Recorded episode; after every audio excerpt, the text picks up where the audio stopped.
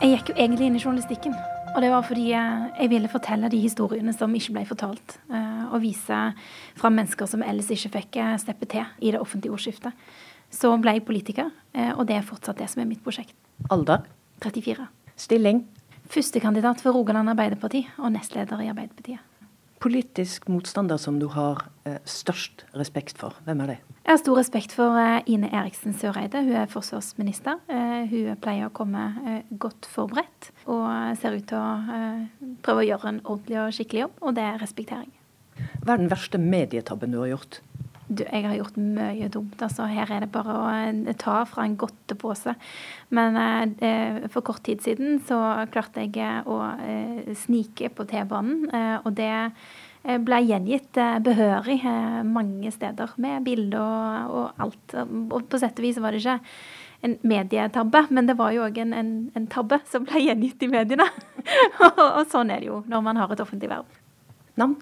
Hadia Tajik. Vi møtes i Stortinget, hvor det er veldig sommerstille. I etasjen under oss er en gruppe turister på omvisning. Når Hadia Tajik har omvisning for sine besøk, viser hun dem alltid bildene av de som var med i riksforsamlingen i 1814. Så pleier jeg å spørre folk eh, hva er det disse har til felles. Og det varierer litt eh, hvor lang tid det tar før jeg får svar, men de er jo alle menn. Eh, De alle har eiendom og en viss økonomisk posisjon. Alle kommer fra sør for Trondheim. Så på mange måter så er det ikke en veldig blanda forsamling, eh, men en ganske eh, ensretta forsamling som var med på å lage grunnloven vår. Vi setter oss ved møtebordet på kontoret hennes i Stortinget, og tar opp tråden med valg av karriere. Du sa at eh, altså, du ville egentlig bli journalist, men så endte du opp som politiker. Hva er grunnen til det? Jeg meldte meg jo aktivt ut av Arbeiderpartiet og AUF i 2003 fordi jeg tenkte at jeg skulle bli journalist. Og da skal man ikke ha eh, politiske bindinger. tenkte jeg Her skal jeg gjøre ting på en ordentlig måte. Eh, men eh, så gjorde tilfeldighetene det litt sånn at eh, Bjarne Håkon Hansen, som da var arbeidsminister, spurte om jeg ville bli hans politiske rådgiver. Og jeg visste jo hvor jeg politisk hørte hjemme, så jeg var jo ikke i tvil om at Arbeiderpartiet og sosialdemokratiet er på en måte det som er mitt hjerte nærmest. Men det var jo et spørsmål for meg om jeg skal på heltid drive med politikk eller ikke. Eh, Så for meg var det et viktig veiskille. Og så konkluderte jeg til slutt med at eh, jeg vil jo eh, være med på å påvirke hvordan Norge ser ut. Og det å få lov til å gjøre det i et politisk verv, det er en stor ære. Og det skal jeg prøve å gjøre så godt jeg kan. Er det noe du ikke liker ved å være politiker? Jeg er ikke så glad i oppmerksomhet. Når jeg er på fest, så er jeg aldri hun som på en måte ber om å bli midtpunktet på et vis. Men jeg skjønner jo at eh, når jeg har et politisk verv, og jeg har mye på, på hjertet, så er eh, det å få oppmerksomhet er jo bare et virkemiddel for å formidle de tingene som Arbeiderpartiet og jeg står for. Men oppmerksomhet er ikke noe jeg søker. Har du lyst til å bli partileder, statsminister en dag? Nei, det er ikke noe jeg går rundt og har lyst til. Jeg eh, har lyst til å være best mulig nestleder for Arbeiderpartiet. Og det er det jeg har fullt fokus på. Trond Giske, som er den andre nestlederen i Arbeiderpartiet, han vil heller ikke snakke om lederambisjoner. Er det noe som egentlig er litt forbudt i Arbeiderpartiet, å gi uttrykk for at ja, kunne godt tenke meg å klatre litt videre? Du, jeg, eh, jeg møter mange politikere fra eh, forskjellige politiske partier som eh, gir uttrykk for at de har lyst på ulike typer verv. På en måte så tenker jeg at det kan være et sunnhetstegn, at det er fint å, å, å våge sette ord på ambisjoner som man har. Men på en annen måte så tenker jeg at vet du hva, det er arbeidet som skal komme først. Det er det vervet du har i dag, og at du klarer å fylle det på en skikkelig måte som er det viktige. Altså De folkene jeg møter som er mest opptatt av hva de skal gjøre om 10 år eller 20 år, eller hvor mye makt og innflytelse og posisjon de skal ha, det er folk som jeg syns er forferdelig kjedelig å tilbringe tid sammen med. De har et utrolig eh, narsissistisk eh, bilde på både seg sjøl og på verden. Så det Så du liker ikke folk som har ambisjoner? Jeg liker ikke folk som eh, lever i en fantasiverden om hvor de skal være om 10 og 20 år. Det er forskjell på det å, ha, eh, altså det å gjøre det, og det å ha klare ambisjoner. Det må man gjerne ha. Eh, men det er det du gjør i dag som har eh, eh, betydning. Både for eh, hva slags politikk du får være med på å utvikle, men, men selvfølgelig også på hvilke muligheter du har senere i livet. Vil man ikke helst ha de som gjør en best mulig jobb der de er. En av Arbeiderpartiets viktigste saker er å bekjempe økonomiske forskjeller. Likevel så vil dere gi lik barnetrygd til alle, også til de som definitivt ikke har noe behov for hjelp. Hvorfor det? Fordi Barnetrygden er ikke det viktigste virkemidlet for å bekjempe ulikhet, og fattigdom. Eh, noe av det viktigste er jo å sørge for at folk kan være i jobb. Det er det som er eh, det viktigste parameteret, eller det viktigste skillet på hvilke muligheter man har, om man står innenfor eller utenfor arbeidslivet. Og nå er det flere hundre tusen som står utenfor arbeidslivet. Eh, og veldig mange av de ønsker å jobbe. Eh, noen av de får ikke jobb, noen mangler kvalifikasjoner. Vi er nødt til å sørge for eh, at de òg får de mulighetene som, eh, som, skal til for at de kan være i jobb. Både for deres egne liv, men òg ikke minst fordi vi trenger deres arbeidsinnsats. Vi skal, komme, vi skal komme tilbake til det med ledigheten. Men altså, vi bruker mange milliarder kroner på barnetrygden. Og mange forskere sier at økt barnetrygd til de fattigste faktisk kan være et veldig viktig bidrag til færre fattige barn. Er ikke det en god måte å bruke penger på å uh, skape mindre forskjeller? Den beste måten å bruke penger på er, er, å sørge for at foreldre som i dag står utenfor arbeid, at de kan være i arbeid. Det det ja, men Det skjønner jeg at du mener, men hvorfor kan en ikke bruke noen av de milliardene som da tross alt deles ut hvert år, på de som trenger det mest. Vil ikke det være god fordelingspolitikk? Det er det vi gjør når vi lager målrettede arbeidstiltak. Det er det som skaper selvstendighet på sikt. Det å øke barnetrygden vil uansett bare være et kortsiktig virkemiddel, og jeg er opptatt av at vi skal bruke de pengene vi har, på mest mulig fornuftig måte. Ok, Da vil jeg spørre sånn, da. Hvorfor bruker dere så mange milliarder kroner på barnetrygd? Til f.eks. de som bare setter det rett i banken. Altså De trenger det ikke for å uh, gi barna det de trenger her og nå. Altså, jeg mener at det er riktig å ha en universell ordning på barnetrygden. Det er noe med at det er noen grunnleggende ordninger som alle har krav på, som ikke skal være behovsprøvd. Som ikke handler om at du eh, tilsynelatende eh, sitter nederst ved bordet, eller at man bruker den type begreper om at eh, du er så fattigslig at du trenger dette her.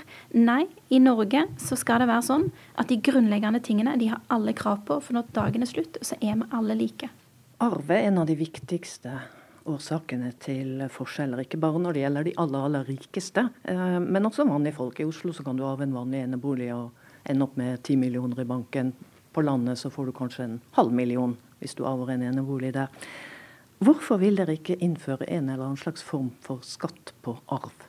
Den arveavgiften som man har hatt tidligere, eh, den hadde utslag eh, som eh, jeg ikke står inne for. Det innebar f.eks. at vanlige familier som kanskje hadde hatt en, en hytte bygd av planker etter andre verdenskrig, som hadde steget i verdi pga. tomt og beliggenhet og utsikt, at de kunne ende opp med, med en arveavgift til slutt som, som kunne ta, ta, knekken på det eierskapet. Og det kunne være en helt vanlig familie. Og da er jo vi opptatt av at man skal ha en innretning eh, på skatt, på arv, som, eh, som, treffer på en fornuftig måte. Så langt har ikke det vært mulig å finne. Og da mener jeg at det er riktig å legge det til side. Mener du at det er helt umulig å finne en fornuftig måte å beskatte akkurat arv på? Altså En klarer jo å beskatte absolutt alt mulig annet. Både arbeid og det vi handler i butikken, og biler vi kjøper og vinen vi kjøper. Ja, alt mulig. Men akkurat det med arve, altså er det helt umulig? Jeg mener at velgerne har krav på å vite hva slags politikk vi går til valg på. Og vi går altså ikke til valg på eh, egen skatt på arv, men vi ønsker jo å ha en eh, skatt på formue som eh, treffer rettferdig, og som innebærer at de som har mest, òg skal betale mest. Og det vil jo i praksis bety at omtrent eh, ja, tre av fire folk i dag de eh, kommer til å ha samme eh, inntektsbeskatningen eh, med oss eh, som det de har i dag, mens en fjerdedel nok må betale mer. Men det òg handler om at det, det, er folk som tjener mye mer enn det de aller, aller fleste gjør. Særlig Italia sliter med mange migranter bare i år. Hittil så er det kommet 90 000. 200 000 sitter i leire. Bør Norge ta et større ansvar eh, for disse? Ta imot flere enn de 1500 som vi har forpliktet oss til?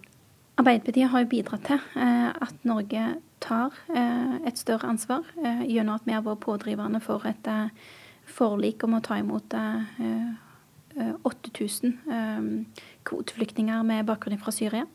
Eh, vi har bidratt til en stabil og forutsigbar innvandrings- og asylpolitikk gjennom forlik på Stortinget. Og det mener jeg har vært riktig framgangsmåte på, kort sikt. Så det er klart at på lengre sikt så må vi jo òg jobbe internasjonalt for at flere land i Europa tar, tar sin del av ansvaret. Både for å ta imot kvoteflyktninger, men òg for å avhjelpe situasjonen i de landene som opplever et ganske stort migrasjonstrykk akkurat nå. Arbeidsløshet er sak nummer én for Arbeiderpartiet i denne valgkampen. Er det et problem for dere at ledigheten faktisk går ned? Nei. Arbeidsledighet er ikke en valgkampsak. Eh, arbeid det er kjernen i hele ideologien og politikken til Arbeiderpartiet. Og det at ledigheten går ned, ville jo vært et gledelig tegn hvis sysselsettingen samtidig gikk opp. Det ville betydd at folk gikk fra å være ledige til å gå over å være i arbeid. Det ser vi at ikke er tilfellet. Det betyr at de har vært ledige såpass lenge at de ikke lenger er en del av den statistikken, men at eh, en del av de kanskje går over på sosialhjelp, en del av de går over på andre ordninger. En del av de gir kanskje bare opp og slutter å søke jobber og tenker at det er ikke muligheter for meg. Andre ender opp med å ta studier når de egentlig ønsker å jobbe. I alle fall så er det snakk om ganske mange mennesker som har lyst til å bidra, ønsker å bidra, har ressurser, har kompetanse, men som vi er nødt til å legge til rette for at får bidratt. Og hvordan vil dere i Arbeiderpartiet løse det? Ja, Da må man skape flere arbeidsplasser. For det har nesten ikke vært jobbvekst i dette landet de siste tre årene under Høyre og Fremskrittspartiet. Vi vil ha en aktiv næringspolitikk som støtter opp om initiativene fra norsk næringsliv. Vi vil ha kompetanseoverføringsprogrammer som gjør at de som kommer fra olje- og gass- og leverandørindustrien, og har mye eh, erfaring derifra. At man kan bruke kompetansen deres til å skape nye bærekraftige industrier for Norge. Og Vi har foreslått penger til den type kompetanseoverføringsprogrammer, men eh, Høyre og Fremskrittspartiet har stemt det ned. Men er ikke det gode nyheter for dere også at arbeidsledigheten er kraftig redusert, f.eks. innen bygg- og anlegg-industri, som de siste tallene viser? Jeg er for at ledigheten går ned. Eh, men jeg er like mye for at sysselsettingen går opp, og det er altså det som er problemet. At sysselsettingen ser ikke ut til å gå nevneverdig opp. Det betyr at andelen personer i arbeid ikke øker nevneverdig. Det er den statistikken vi er nødt til å uh, få fart på. For både for de enkeltmenneskene som står utenfor arbeidslivet, men òg for norsk velferd og verdiskaping, så er det jo helt avgjørende å få dette her til. Mm. Vi trenger at folk jobber og skaper verdier, sånn at vi òg eh, har råd til denne skolen og det helsetilbudet som vi ønsker å ha. Ser du for deg at uh, velferdsstaten Norge er den samme om ti år som nå? Vi står overfor noen utfordringer, uh, og det forutsetter jo at dagens politikere tar kloke valg. Uh, det betyr at vi er nødt til å bruke pengene i dag mer fornuftig for å ha råd til velferd òg i framtida. Vi må snu på hver eneste krone. Vi er nødt til å sørge for at flere kan være i jobb. Fordi det kommer til å være flere som har et omsorgsbehov i årene som kommer. Og da må vi skape flere verdier. Det betyr at vi er nødt til å ta et skikkelig tak i dag for at vi skal kunne ha et, eh, et eh, like godt velferdstilbud eh, om 10-20-30 år. Mm. Men ser du for deg at det kan bli nødvendig å, å kutte i en del av de ytelsene som vi har i dag, f.eks.? Vet du hva, Ved alle korsveier så har det dukka opp politikere som sier at nå, nå er det så spesielt. Akkurat nå er det så spesielt at vi må begynne å kutte, kutte i ytelser. Vi må, vi må, slutte å ha velferdsreformer. Vi har ikke tid til dette, her, vi har ikke råd til dette. her. Eh, de politikerne har stort sett tilhørt høyresiden i norsk politikk. Eh, jeg som er sosialdemokrat, eh, mener jo at vi er nødt til å ha et velferdstilbud som står seg, som er bærekraftig, som er godt og grunnleggende og tilgjengelig for folk. Og at nettopp når vi står i krevende tider, så er vi nødt til å gjøre de prioriteringene som skal til for at folk får det velferdstilbudet de trenger. For det er jo òg noe som gjør at Norge kan fortsette å være et Norge med små forskjeller det gir jo òg oss det beste utgangspunktet for å skape flere verdier i framtida. Du er kjent for å jobbe veldig mye. Hva gjør du når du ikke jobber? Jeg liker å lese, jeg liker å trene, eh, jeg liker å henge med venner. Jeg liker å se på Netflix. Hvilke serier ser du? Eh, jeg ser um, denne The Americans, Orange is the New Black. Jeg ser i det hele tatt ganske mange forskjellige serier. Så er vi kommet fram til Hadia Tajiks bidrag til slagordkonkurransen. Jeg har valgt slagordet 'stille krav og stille opp', for det er, det vi må gjøre for hverandre. Vi trenger å bli møtt med forventninger for å bli til den beste utgaven av oss sjøl. Men noen ganger så kan òg de aller fleste av oss trenge støtte, hjelp eller oppmuntring. At noen stiller opp for deg. Så det er kombinasjonen av dette og balansegangen på dette som er det beste. Si det en gang til. Stille krav og stille opp.